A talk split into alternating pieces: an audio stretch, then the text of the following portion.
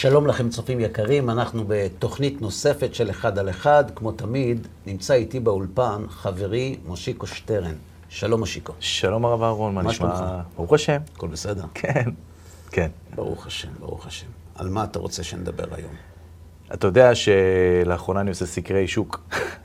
אני- שואל את דעת הקהל, על מה תרצו שנדבר? אני אומר, הש- השאלה הקבועה שלך, על מה תרצה שנדבר היום? אני מפנה אותה לאנשים, על מה תרצו שנדבר עם הרב אהרון בתוכנית הבאה? וזה הפך להיות גם מין סוג של פודקאסט, אני יודע שאנשים נרדמים עם זה בלילות, ואתה יודע, וקמים עם זה בבקרים, ושמעתי גם שעושים מזה כושר, וכל מיני כאלה, מספרים לי, כן, כן, ממש, כן. יש קצב ל... יש קצב לסיפור הזה. אז אה, זה חזר על עצמו כמה וכמה פעמים, ואנשים אמרו לי, דבר איתו על החיים שאחרי המוות. אדם.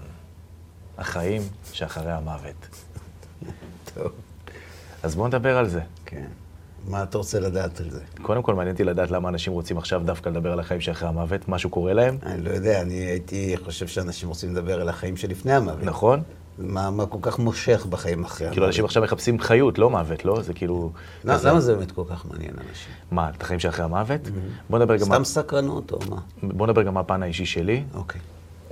אני חושב שגם כל אדם מאמין, וגם כזה שיש לו איזה ספק כזה או אחר, חושב שאנחנו נורא נתבאס אם נגלה שבסוף אין כלום אחר כך.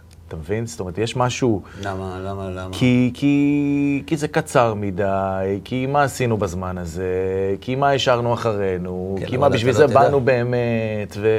נכון, נכון, ברור, כן. אז אם אתה לא תדע, אז מה הבעיה? נכון. זאת אומרת, זה לא שאנחנו נהיה ונגלה שאין כלום, כי אם אין כלום, אנחנו גם לא נהיה, ואם לא בדיוק. נהיה, איך נדע שאין כלום כדי להתאכזב בדיוק. שאין כלום? ויש הרבה אנשים שמניחים את השכל, אתה יודע, אומרים, וואלה, מתאים לי לא לדעת, ולא לא יהיה, לא יהיה, מקסימום, טעיתי.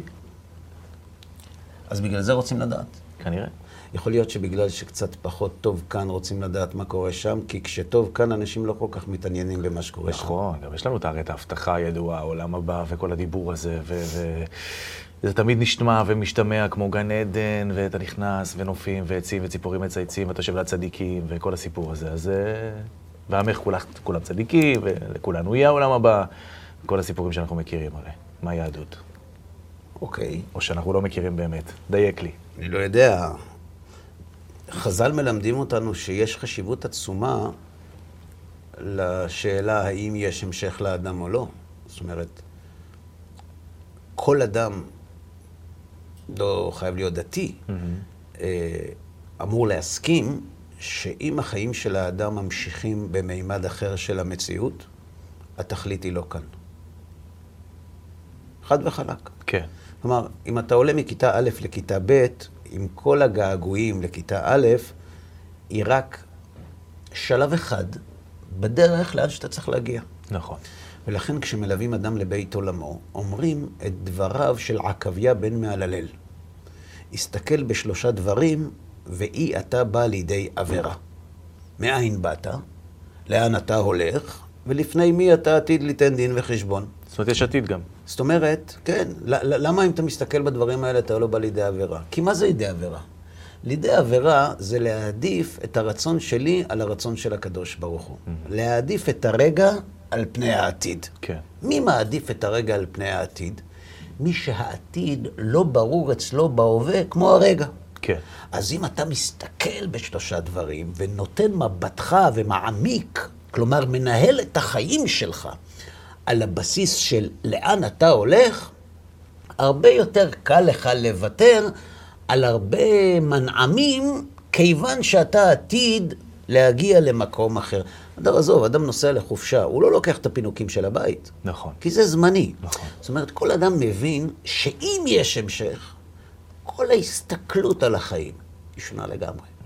כלומר, כשאנחנו אומרים בי"ג עיקרי האמונה, אני מאמין באמונה שלמה שהקדוש ברוך הוא נותן שכר טוב לצדיקים ועונש לרשעים, אם זה ברור לנו, כל ההסתכלות שלנו על העולם מקבלת תפנית חדה ביותר. ולכן זה לא רק עניין של סקרנות. זה לא רק עניין שאני אומר, טוב, אז אם סבלנו פה, יש חוק כלים שלובים, אז נהנה שם. זה נכון, לאנשים יש צורך, צורך נפשי, פסיכולוגי, להרגיש שהם לא נעלמים. שהם לא נלמד. להרגיש שזה לא נגמר. זה, זה נותן ביטחון, זה נותן, זה נותן תחושה של, בסדר, זה לא כל כך נורא, פשוט עוברים שלב. יש לנו צורך. כן. אגב, יש אנשים שטוענים שהאמונה בהישארות הנפש נובעת מהצורך הזה. וואלה. ואני טוען ההפך. אני אומר, יכול להיות שאנשים מבקשים את הישארות הנפש כי הם מבקשים את הנצחיות, כי יותר טוב להם עם זה בחיים הזמניים שהם חיים. אבל אם יש הישארות הנפש, מה אכפת לכם שסוף סוף יש התאמה בין מה שאנשים רוצים לבין מה שהקדוש ברוך הוא רוצה? לכן אני לא מתרגש מזה שאנשים אומרים שהסיבות הפסיכולוגיות הם אלו, הם מבינים הרי בפסיכולוגיה הרבה, הם אלו שגורמות לאנשים לרצות להאמין שיש המשך לאדם. היהדות טוענת שההמשכיות של הנפש לאחר כליונו הפיזי של הגוף, אגב, שזה לא תחנה סופית, זה שלב כן, ביניים, כן. אבל המצב הזה אמור להשפיע על קבלת ההחלטות שלנו לאורך כל החיים, ולכן נודעת חשיבות רבה לבירור הנושא. בוא נגיד ההבדל בין סתם טירונות לפרח טיס. למה? כי יש את הטאג הזה בסוף, של אני הולך להיות טייס ולכן שווה לשלם את כל המחיר הזה. מי שמאמין שהנפש שלו עתידה להתענג תענוג כל כך גדול, הוא מוכן לוותר על תענוגים יותר קטנים, תענוגות יותר קטנים. הוא מוכן לוותר. השאלה הגדולה היא אם אפשר להוכיח דבר כזה. או. זו השאלה. נכון. לדבר אפשר מהיום עד מחר. הרי אלה ששאלו אותי רוצים לדעת מה קורה בחיים שאחרי המוות. כן. אז תראה,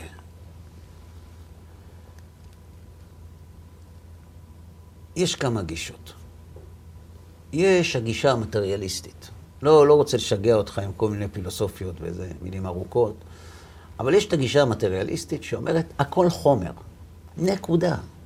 זה הכל עניין של הורמונים וחומרים כימיים במוח, ו... ו...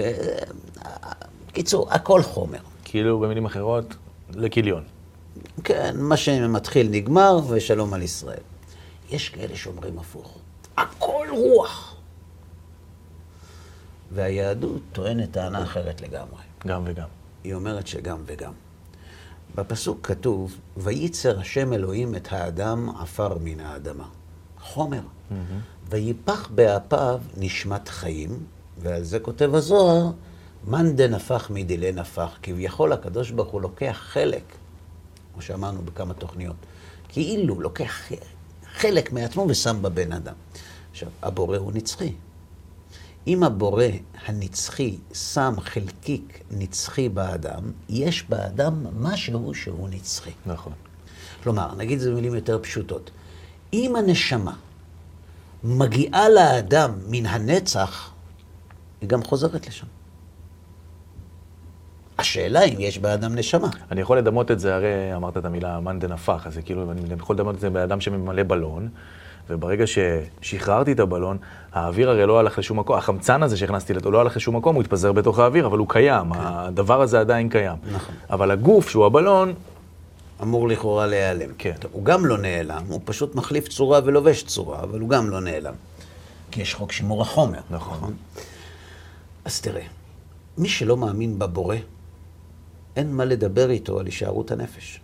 כי מי שלא מאמין בבורא, טוען שהכל חומר. Mm-hmm. ואם הכל חומר, אין מה שיישאר.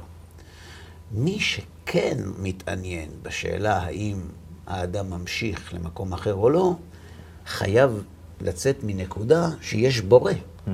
ואם יש בורא, השאלה האם הנפש של האדם, יש בה את התכונות של הבורא או אין בה. אם אין בה, היא גם נגמרת. אם יש בה, היא ממשיכה. עכשיו, אני רוצה, אני רוצה להגיד משהו לפני שאנחנו ממשיכים. אני בבעיה בסיפור הזה. למה? אנחנו ביחד, כמה תוכניות כבר עשינו? מיליון. הרבה תוכניות. זו הפעם הראשונה שאתה מבקש ממני לעסוק במשהו שיש לי איתו בעיה. באמת? כן. כשאני התחלתי לתת הרצאות, הרב שלי, עליו השלום, הוא קרא לי ואמר לי שהוא שמע שאני נותן הרצאות. שיחת אזהרה? אז אמר, אני התנצלתי. ואמרתי לו, כן, כבוד הרב, צריך פרנסה, מה... הוא אומר לי, לא, פרנסה זה טוב. על מה אתה נותן הרצאות? הוא אמר לי. אמרתי לו, תראה, כבוד הרב, אנשים מתעניינים במיסטיקה. או. אנשים מתעניינים במיסטיקה. אתה נותן הרצאה על משמעות החיים. אתה והגבאי, מי נמצא שם? או שאתה נותן הרצאה על, אה, על אמיתות התורה, או התורה שבעל פה. אז יגיע איזה מישהו ויהיה זימון. כשאתה נותן הרצאה על מיסטיקה, מלא. אתה נותן הרצאה על עין הרע. בלי עין הרע. כסף. אתה נותן הרצאה על חלומות, על סוד האותיות, ואני לא חלילה מזלזל בנושאים האלה. זה מוכר, אנשים מתעניינים. החיים אחרי המוות, אין מקום להיכנס. אני מדבר על מיסטיקה. אמר לי הרב, על איזה מיסטיקה אתה מדבר?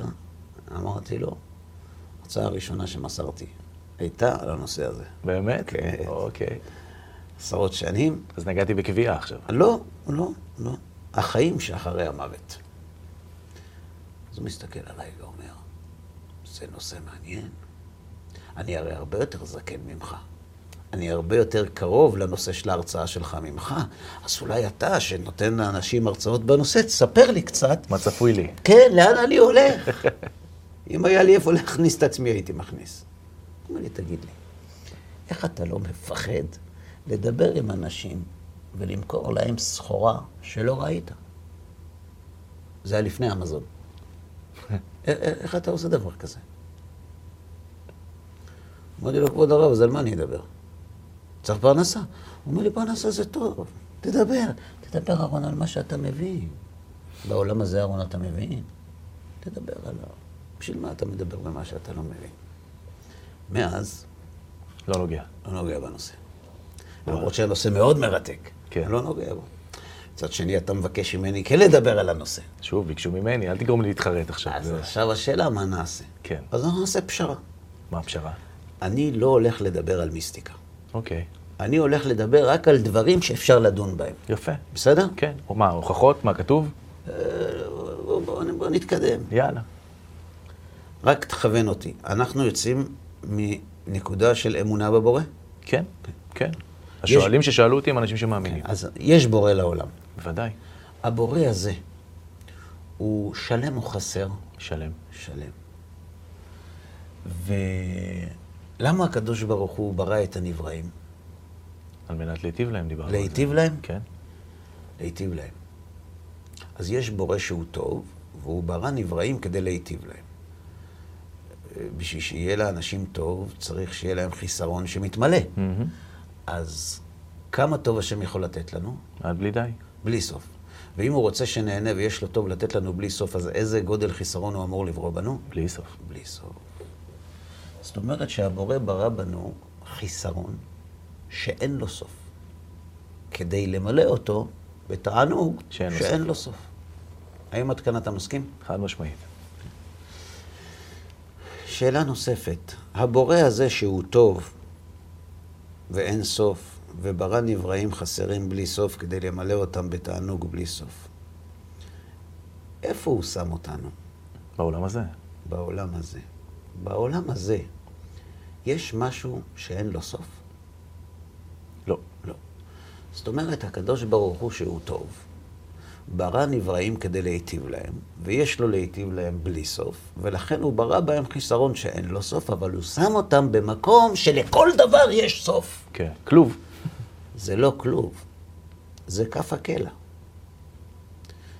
אדם שהוא רעב בלי סוף, ושמים אותו בחדר שיש בו אוכל עם סוף, איך אפשר להגיד על מי שברא אותו שהוא טוב? כן, הוא כאילו כלא אותו. הוא ברא אותו לסבל. כי הרי מהו הסבל? זה אותו חיסרון נכון. שנשאר ללא מילוי. ואם יש לנו רצון בלי סוף, ולעולם יש סוף, תמיד יישאר בנו רצון בלי מילוי, והוא יהיה עוצמתי הרבה יותר מאשר המילוי, מסיבה פשוטה. בין 0 ל-100, בין 1 ל-100, יש יחס. כן. בין סוף לאין סוף אין יחס.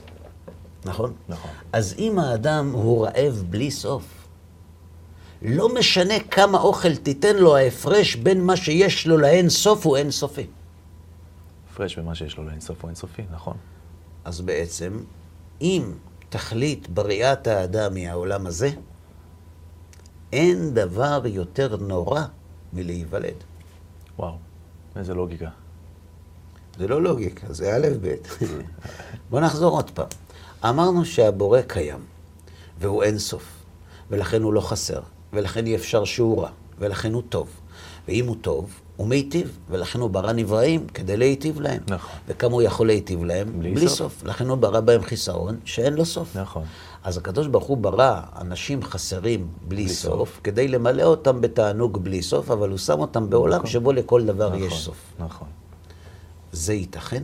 לא.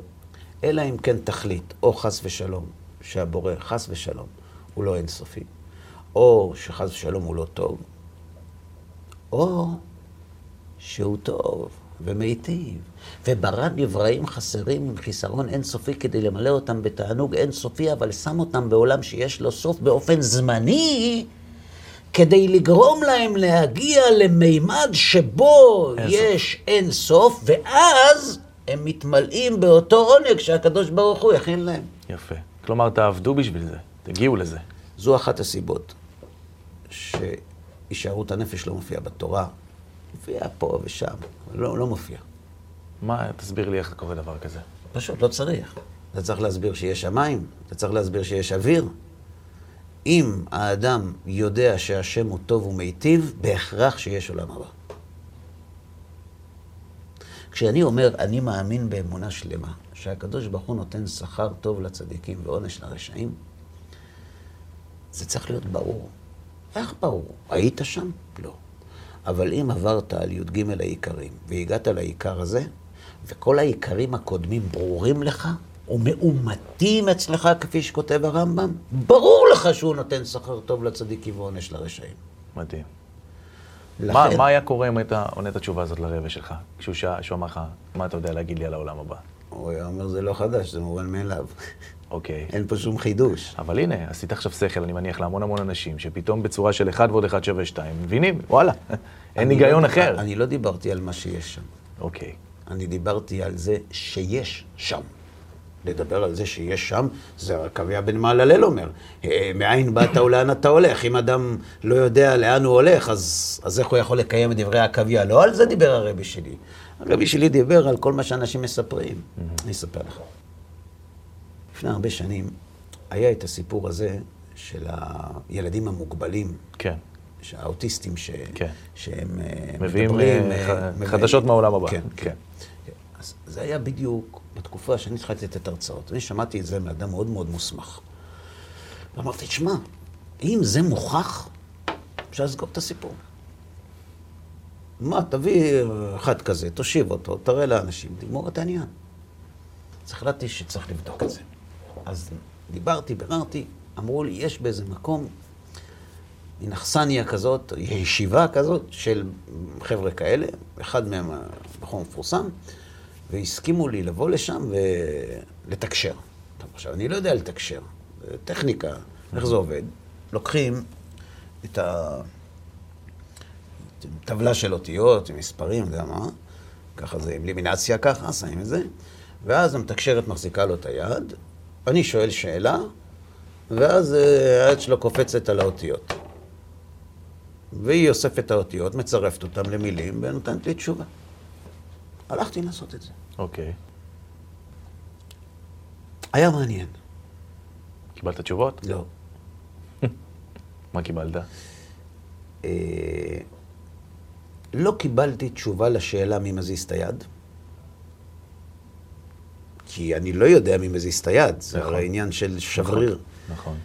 ולכן ניסיתי כל מיני, בהתחלה שאלתי כל מיני שאלות סתם, קיבלתי תשובות. ואז החלטתי שאני הולך לשאול שאלות שהמתקשרת לא יודעת את התשובות. בגמרא וכל מיני דברים, היא לא יודעת. ואז הוא ענה לי, אבל לא על השאלות שלי. הוא אמר לי, אתה באת לכאן כדי לנסות אותי לבדוק אם אני מדבר אמת או משקר. שזו תשובה שגם המתקשרת יכלה לענות, כי היא לא ידעה תשובה אחרת. עם אותו ספק שנכנסתי, אותו ספק יצא. אותו ספק יצאתי. יש אנשים שמדברים על סיאנסים שהם עשו. נכון. בסדר. יש אנשים שמדברים... אבל זה לא זר לנו ביהדות. זה, זה לא רק שזה לא זר, זה אסור. לא, הכוונה, זה לא משהו שאנחנו לא יודעים כן, שיכול אנחנו להיות יודעים קיים. במה, שואל- דורש של המתים, רוב, עידוני, דברים, אנחנו לא תמימים. כן. אה, יש כאלה מדברים על היפנוזה, על רגרסיה לגלגולים קודמים, זאת אומרת, כל מיני דברים, מה שנקרא פרפסיכולוגיה. כן. וזה מוצף מזה. אני יכול להגיד לך שלא נתקלתי עד היום. יש שני ספרים של שני אנשים שעסקו בגלגול נשמות אצל ילדים, שזה משהו יותר רציני, אבל חוץ מזה אני יכול להגיד לך שלא מצאתי עד היום משהו שאפשר להצביע עליו ולהגיד, הנה ראיית הזהב. אין דבר כזה. על העולם הבא. אין. בסופו של דבר, בסופו של דבר זה או חוויה אישית שלך, או אמונה. אני למשל שמעתי מחבר שהוא עשה כנראה איזה טיפול רגרסיה כזה שאתה מדבר עליו, או משהו בסגנון הזה. התחיל לדבר אה, מצרית עתיקה. לא, הוא אה, סיפר מה קרה לו כשהוא היה בבטן אמו, הוא זכר סיפורים שכאילו הוא לא אמור לדעת בשום דרך וצורה, בין אם כשהוא היה רק עובר, ובין אם כשהיה תינוק, ואחר כך בירר עם האימא שלו, וזה באמת מה שהיה. מה? מה? מה תגיד? אני לא יודע. אני לא מכיר את החבר. אני לא יודע אם הסיפור נכון. סתם כי אנשים סיפרו... יש, תראה, תיקח דוגמה, מה שקוראים היום מוות קליני. מוות קליני זה, זה מושג עממי. נכון. אה, של אנשים שהיו במצוקה גופנית מאוד מאוד חמורה, אה, אפשר לומר אפילו כמעט בלתי הפיכה, ואז באיזושהי אה, צורה ומאיזושהי סיבה שהרופאים לא יודעים להסביר, תהליך המוות נפסק, והוא התעורר. כלומר, הוא עוד לא מת, והוא חזר לעצמו, ולא רק שחזר לעצמו, סיפור. ללא נזקים. אה, אוקיי. ואז הוא מספר סיפורים. נכון. ואתה מכיר את הסיפורים על כל ה... מנהרה ואור בסוף. מנהרות והדודים שבאים, ו... שגרמו לו לשאול את עצמו שאלות על החיים שלו, ושיראו לו את כל החיים שלו עוברים כהרף עין. אני לא מזלזל בזה. ברמה האישית אני מאמין לסיפור. כן.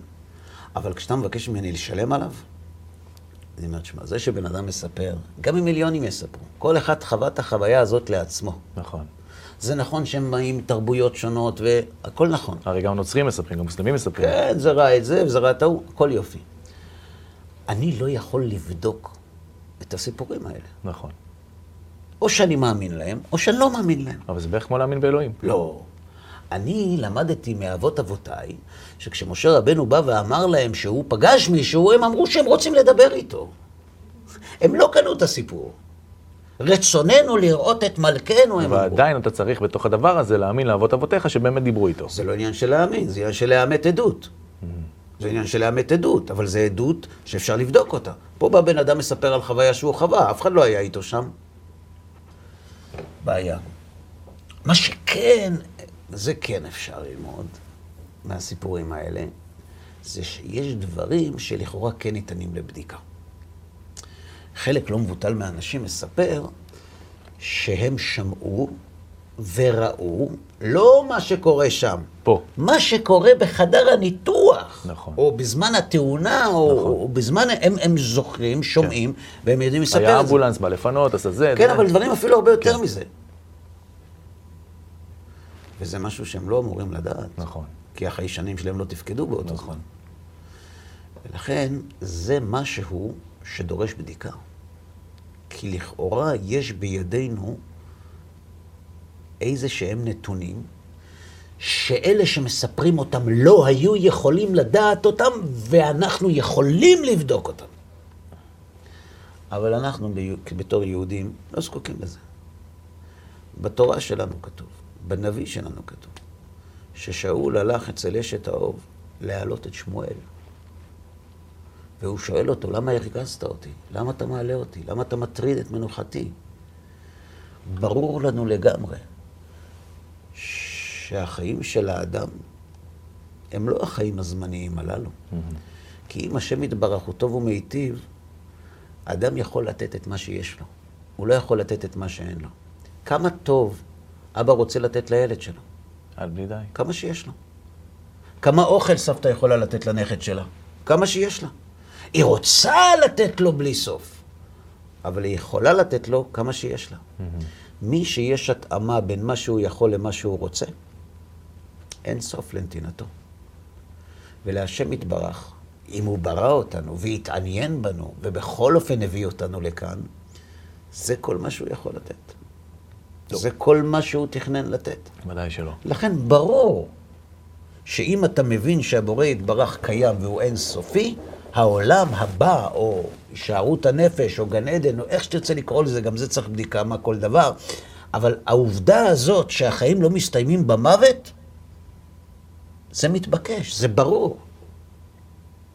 רק שזה ברור בשכל, זה לא ברור בלב. כן. יש כאלה שזה ברור להם בלב ולא ברור להם בשכל. אגב, כשזה ברור לך בלב, זה הרבה יותר משפיע על החיים מאשר שזה ברור לך בשכל. אבל כשזה ברור לך בשכל זה מוצק, זה יציב. אתה יכול לומר, אני נאמן לדעה שהקדוש ברוך הוא נותן שכר לצדיקים ועונש לרשעים. אבל אתה יודע שלכולנו יש איזה מימד רוחני כזה פנימי, או שהוא חווה חוויה נוספת דרך המשפחה. נגיד אצלי במשפחה יש, יש את אחותי ואת אמי, שתיבדל לחיים ארוכים, להם קטע עם חלומות. שהן חולמות דברים שאשכרה קורים אחר כך, כן. בצורה כזו או אחרת. חלמתי שאתם בהיריון, אתה מכיר את זה בטח, אתה... לא, שמעתי על זה, לא מכיר. אז זה כזה, מה? מה? מה זה? מאיפה מגיע המידע הזה? תראה, אם אתה רוצה להאמין, אני לא רוצה לקלקל לך. אוקיי. ואם אתה רוצה שאני אקלקל לך, אני מוכן לנסות. נסה. הרבה מאוד דברים שאנחנו חולמים עליהם, הם, זה גמרא מפורשת, הם פועל יוצא של המחשבות שחשבנו באותו יום. או. עכשיו, מספיק שאני אבין ממראה עיניים אחד, או ממשמע אוזן אחת, החשש הכי קטן, שהבת שלי בהיריון, אם זה תופס אצלי מקום מרגש, אין לי שום בעיה לחלום על זה בלילה, עוד לפני שקיבלתי שום עדכון מעשי שאכן כך הם פני הדברים. גמרא אומר את זה במפורש. על מה שאדם חושב ביום. חולם על זה שיש חלומות אמיתיים, זה גם כתוב בתורה. וישן ויחלום שנית. נכון. פרעה חולם חלום, יוסף פותר לו את החלום. אגב, וכאן מסיקים שרק חלום שני הוא חלום אמיתי? אני, אני לא מתעסק לא, בזה, לא, לא מבין בזה, אבל... אני מבקש שיעורי בית להשאיר. אבל ברור שיש אמת בחלומות. לא, לא כל חלום, אבל בוודאי שיש. אני פעם אחת חלמתי חלום אמיתי. וואלה. כן. ספר לי. זה היה, אני לא ידעתי מזה, שזה אמיתי. Mm-hmm. זה התברר לי רק אחר כך.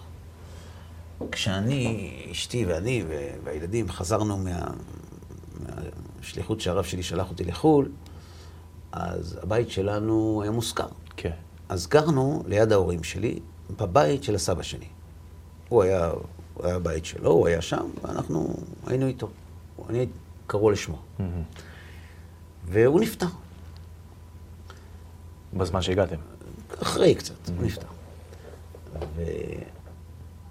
ובאותה תקופה, אחרי שחזרתי לארץ, הייתי צריך ללכת לצבא. התחייבתי, אחרי שאתה יוצא לשליחות, אתה צריך לחזור לצבא. וכשסיימתי עם הצבא, הייתי צריך להחליט מה אני הולך לעשות. אז הרעיון היה לחזור לכולל. כי הראש כולל הבטיח לי שכשאני אחזור, הוא יחזיר אותי לכולל. אבל כשחזרתי, הוא אמר שזה שהוא הבטיח זה נכון, והוא גם מוכן להחזיר אותי, אבל הוא לא אמר שהוא ישלם. אין לי, אין לי תקציב. לא, לא שאין לו, הוא לא הבטיח את זה. אה. הוא לא הבטיח את זה. אוקיי. אז לא ידעתי מה לעשות. אז התלבטתי, מה עושים? אז לפרנס משפחה. ואמרתי, מצד אחד, אם אני הולך לחפש כולל, ללמוד מה, מה, מה, איזה אוכל אני אביא הביתה. מצד שני, אני לא רוצה להפסיק ללמוד, לא ידעתי מה לעשות. התלבטתי. שאלתי את אשתי מה את אומרת, היא אומרת, לא, אני מוכן להצטמצם. אני מוכן להצטמצם, תמשיך ללמוד. טוב, אבל לא הייתי שלם עם זה. יש לי אחריות. זה שהיא רוצה, היא צדקת, זה ברור לי. אה, צדקת גדולה. אבל, אבל אני, האחריות היא עליי. ידעתי מה לעשות. בלילה חלמתי על זה. וואלה. נכון, זה מתאים, מתאים למה שאמרתי. אתה חושב על זה ביום, אתה חולם על זה ביום. מה חלמתי? חלמתי שאני נמצא בבית כנסת, שאני מכיר,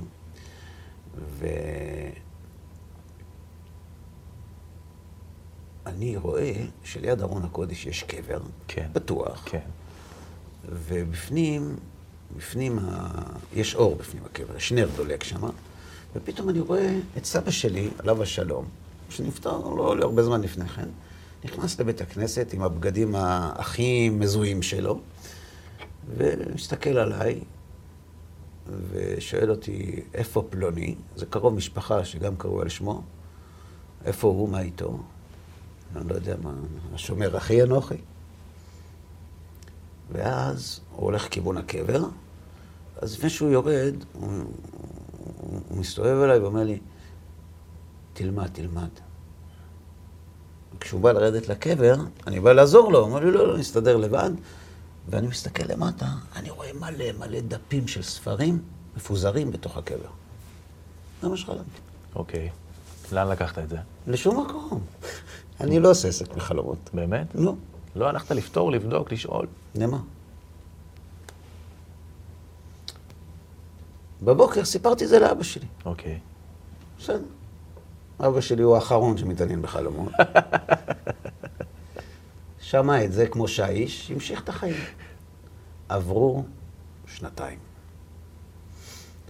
אנחנו משתתפים בברית של בן אחותי. ומבקשים מאבי מורי שידבר.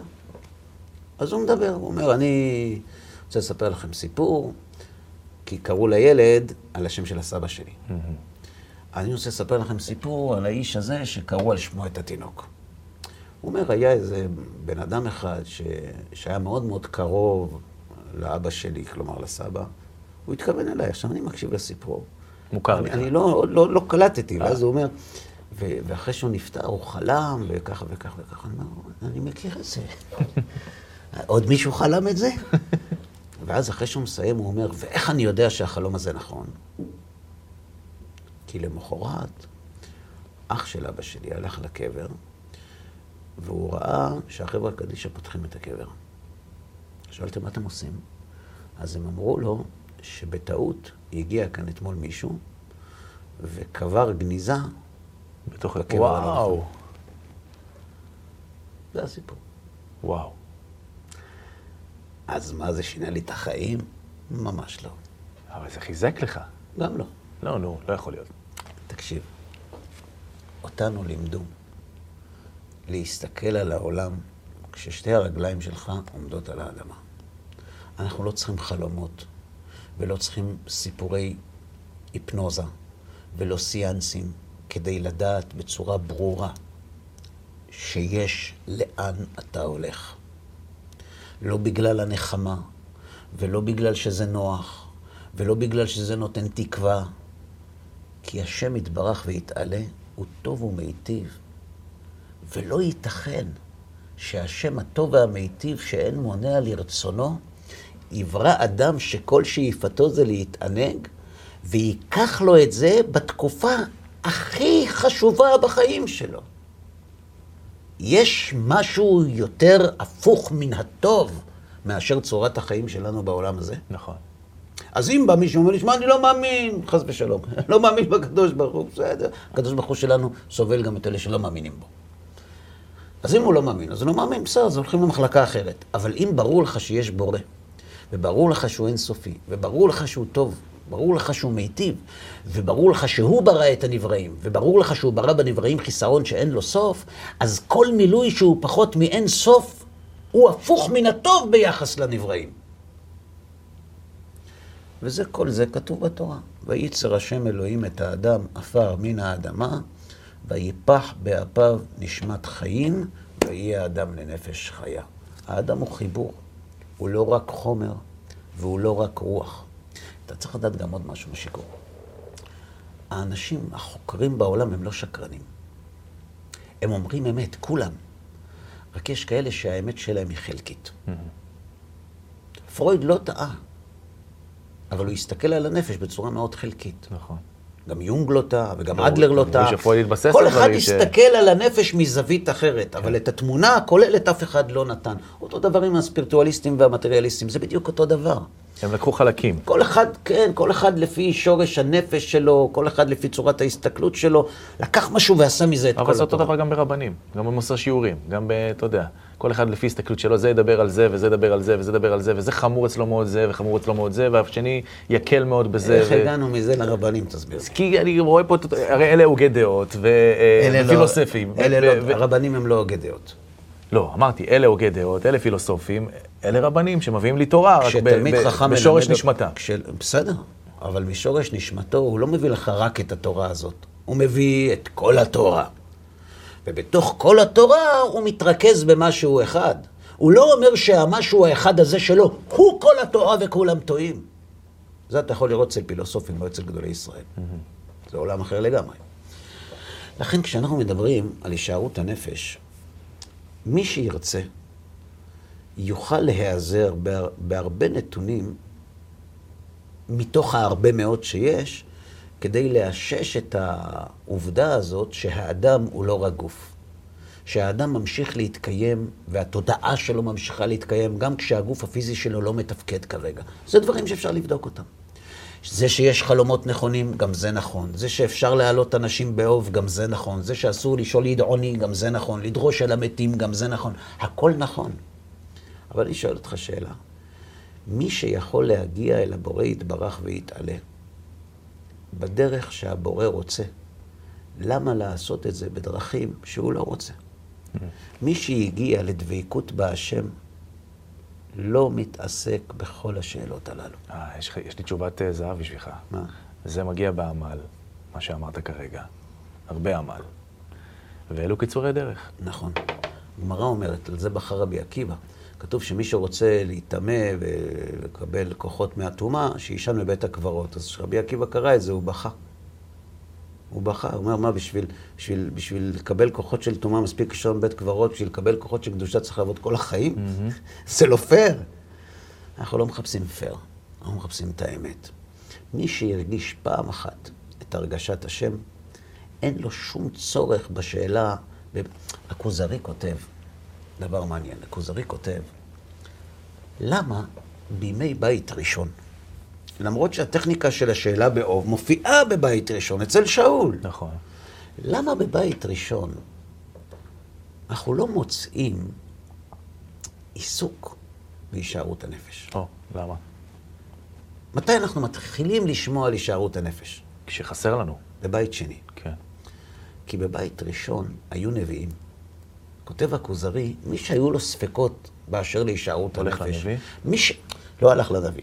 מי שהיה לו ספקות באשר למותר האדם מן החומר, מי שרצה להיות, שיהיה לו ברור שהאדם הוא לא רק גוף, אלא יש בו משהו נצחי, כן. הוא לא צריך ללכת לנביא, הוא צריך לעמוד לידו. מספיק שהאדם היה עומד ליד הנביא, הוא היה חווה את העובדה הזאת בצורה מוחשית, ודאית, וואו. שיש הישארות הנפש. לכן לא התעסקו בזה. מתי התחילו להתעסק בזה? כשפסקה הנבואה. כיוון שפסקה הנבואה ונוצר הריק הרוחני הכל כך גדול, אנשים מתחילים לעסוק במה שאין. במה שיש לא עוסקים. במה שיש עוסקים. לוקחים, אוכלים, שותים ונהנים. במה עוסקים? מה שאין. במה שאין. וכיוון שנסתלקה הקדושה ועלתה, וכיוון שנסתתמו שערי הנבואה, לכן היהודים התחילו לעסוק במה שהם מתגעגעים אליו, בקדוש ברוך הוא. ולכן הם עסקו בהישארות הנפש. הגמרא מספרת על רבי יהושע בן לוי, שהבן שלו עבר כנראה את מה שאנחנו קוראים היום מוות קליני. אז כשהוא התעורר, רבי יוסף, בנו של רבי יהושע בן לוי, אני חושב, אז שואל אותו אבא שלו, מה, מה, מה ראית? איפה היית? הוא אומר, הייתי למעלה. ומה ראית שם? אמר לו, ראיתי עליונים למטה ותחתונים למעלה. אלה שפה הם חשובים מאוד מאוד, הם שם ישבו בטריבונה של המאחרים, כן. ואלה שפה אף אחד לא סופר אותם, שהולכים ליד הקירות, הם יושבים ביציע של האוהדים. הפוך, גוטה. כן. ושמעתי שהיו אומרים, הרוגי מלכות, אין שום ברייה יכולה לעמוד במחיצתם. כלומר, הוא חוזר ומספר לאבא שלו שיש בשמיים מקום שבו יושבים הרוגי מלכות, שאין שום ברייה יכולה לעמוד במחיצתן מחמת הזוהר שהם מזהירים. ומי הם הרוגי מלכות? עשרת הרוגי מלכות? לא. אלא? הגמרא אומרת, אם תגיד שזה רבי עקיבא וחבריו, מה פתאום? רבי עקיבא וחבריו, אף אחד לא יכול לעמוד במחיצתם, לא בגלל שהם הרוגי מלכות, בגלל התורה שהם למדו. מי הם הרוגי מלכות? אלו פפוס ולוליאנוס. שני אחים מלוד, שפעם אחת מישהו רצח את בת ההגמון של לוד, והוא אמר ליהודים שאם הם לא יגידו לו מי הרג אותה, אז הם לא יצטרכו להגיד יותר כלום לעולם ועד. כי כולם ימותו. ואף אחד לא בא. הייתה סכנה גדולה, והם הלכו ואמרו שזה הם. Mm-hmm. והרגו אותם בצורה מאוד אכזרית.